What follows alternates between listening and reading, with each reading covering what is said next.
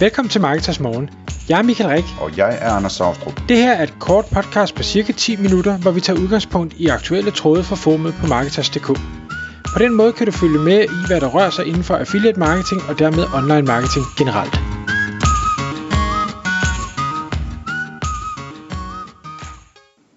Godmorgen Michael. Godmorgen Anders. Så er det igen podcast-tid her i Marketers Morgenstudiet. Og vi skal i dag tale om potentialet i at styre sponsor deals for andre. Og øh, det lyder måske lidt fremmed for mange af dem, der lytter med, inklusive mig selv. Øhm, så lad os, lad os høre, Michael, hvad, hvad, er det, du har, hvad er det, du stødt på ude på det store internet?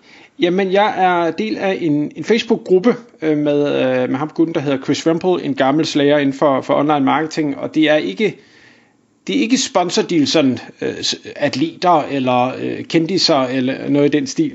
Det er online øh, sponsordeals, og det er for øh, store øh, websites. Og, og vi kommer lidt tilbage til afarter af, af det senere.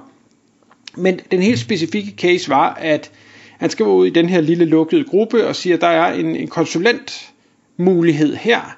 Jeg, han havde en, en, en kammerat, som øh, har et, øh, et stort travel site, der har, og det synes jeg så er lidt vildt, men øh, man må stå på tallene, øh, 100.000 daglige besøgende, hvilket jeg så regner om til, så må det jo være øh, 3 millioner besøg om, om måneden, det synes jeg er ret nice på et øh, rejsesite, og derudover så har han et nyhedsbrev med cirka 125.000 subscribers, cirka 30% øh, open rate, og han sender en 3-4 mails ud om ugen. Og, og det han så siger, det, det som kammeraten leder efter, eller det som kammeraten leder efter garanteret, fordi ham Chris han har sagt til ham, at øh, du, du efterlader nogle penge her, som, øh, som du selvfølgelig skal tjene, det er, at, at han vil gerne have en, der kan komme og lave en, øh, hvad hedder det, sponsorship revenue strategy, som også kan øh, få opsat en eller anden form for, for proces til at have en løbende hvad skal jeg sige, pipeline af nye sponsorer, der kunne, øh, kunne komme med ind i det her. En, der kan være med til at, at lukke de her deals, så det er ikke bare at lave pipeline, men det er også at, og hvad skal vi sige, få, få dem lukket øh, og, og onboard dem i det her øh, sponsorship ting. Og så selvfølgelig, eller ikke selvfølgelig, men, men vedligeholde de her sponsoraftaler, øh, sådan så at alle er glade og bliver ved at have lyst til at, at sponsorere de her forskellige ting. Og, yderligere så, så siger han, at det her det, det er sådan en langsigtet ting, øh, som, øh, som den her person leder efter.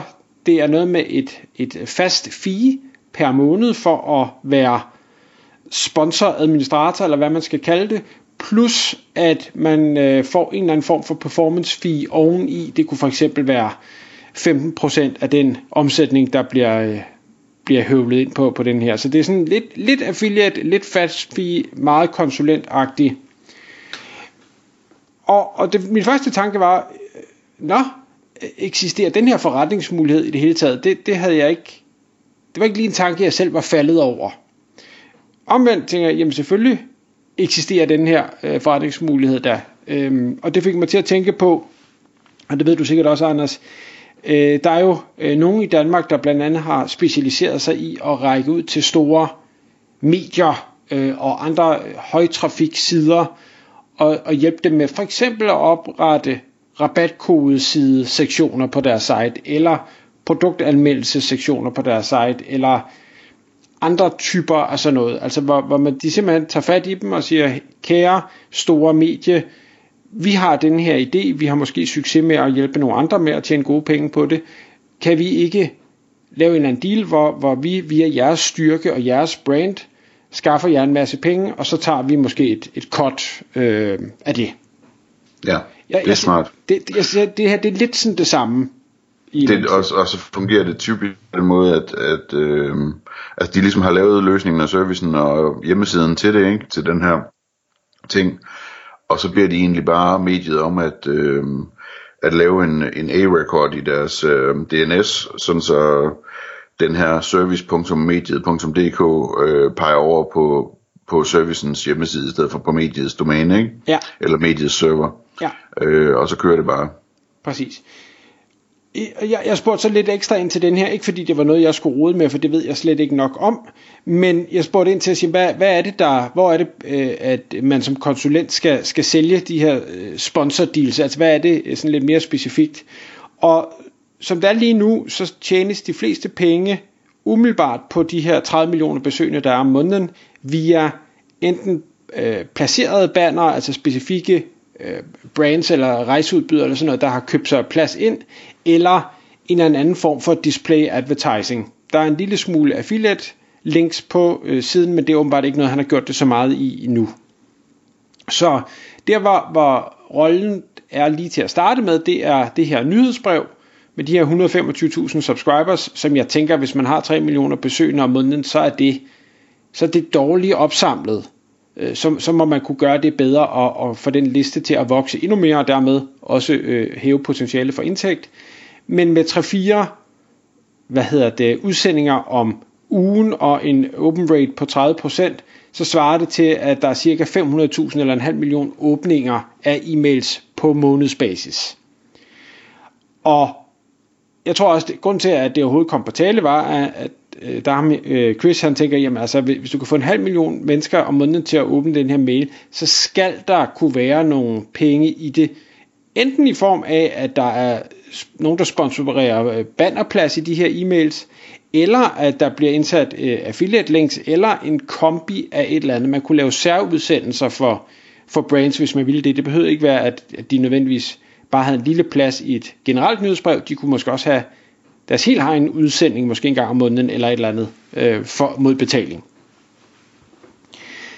Og, og så kan man så sige, det han, han også øh, siger i den her case, som giver god mening, det er, at erfaring det er nødvendigt. Altså det, det er ikke bare Michael, der melder sig på banen og tænker, det der, det skal jeg da prøve. Jeg ved ingenting om rejsenischen, jeg ved ingenting om at, at sælge bannerplads i, i nyhedsbrevet, jeg ved ingenting om noget som helst.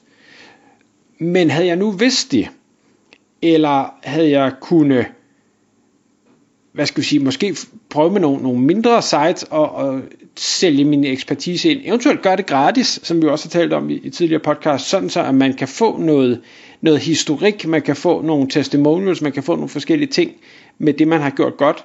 Jamen, så vil man kunne byde ind på sådan en opgave. Og mit gæt er, at der er hundredvis, hvis ikke tusindvis af den her type sites, på global plan, eller på engelsk, hvis, hvis man nu skal tage det, som ikke udnytter de her muligheder, og kan man komme med x antal cases i hånden og sige, jamen for den her gjorde jeg det her, for den her gjorde jeg det her, for den her gjorde jeg det her, jeg skal have det her fee, jeg skal have det her, øh, eller jeg skal have den her flat fee, jeg skal have det her performance fee, eller hvordan man nu gør det, så vil jeg vurdere, at I kan komme til at tjene sådan og sådan og sådan. Hvad tænker I om det? Så tror jeg, der er rigtig mange, der vil sige, ja, det, et, de havde ikke tænkt tanken selv, to, de ved ikke, hvordan de skal gøre, tre, hvis der er nogen, der vil gøre det for dem, så de ikke skal bruge tid.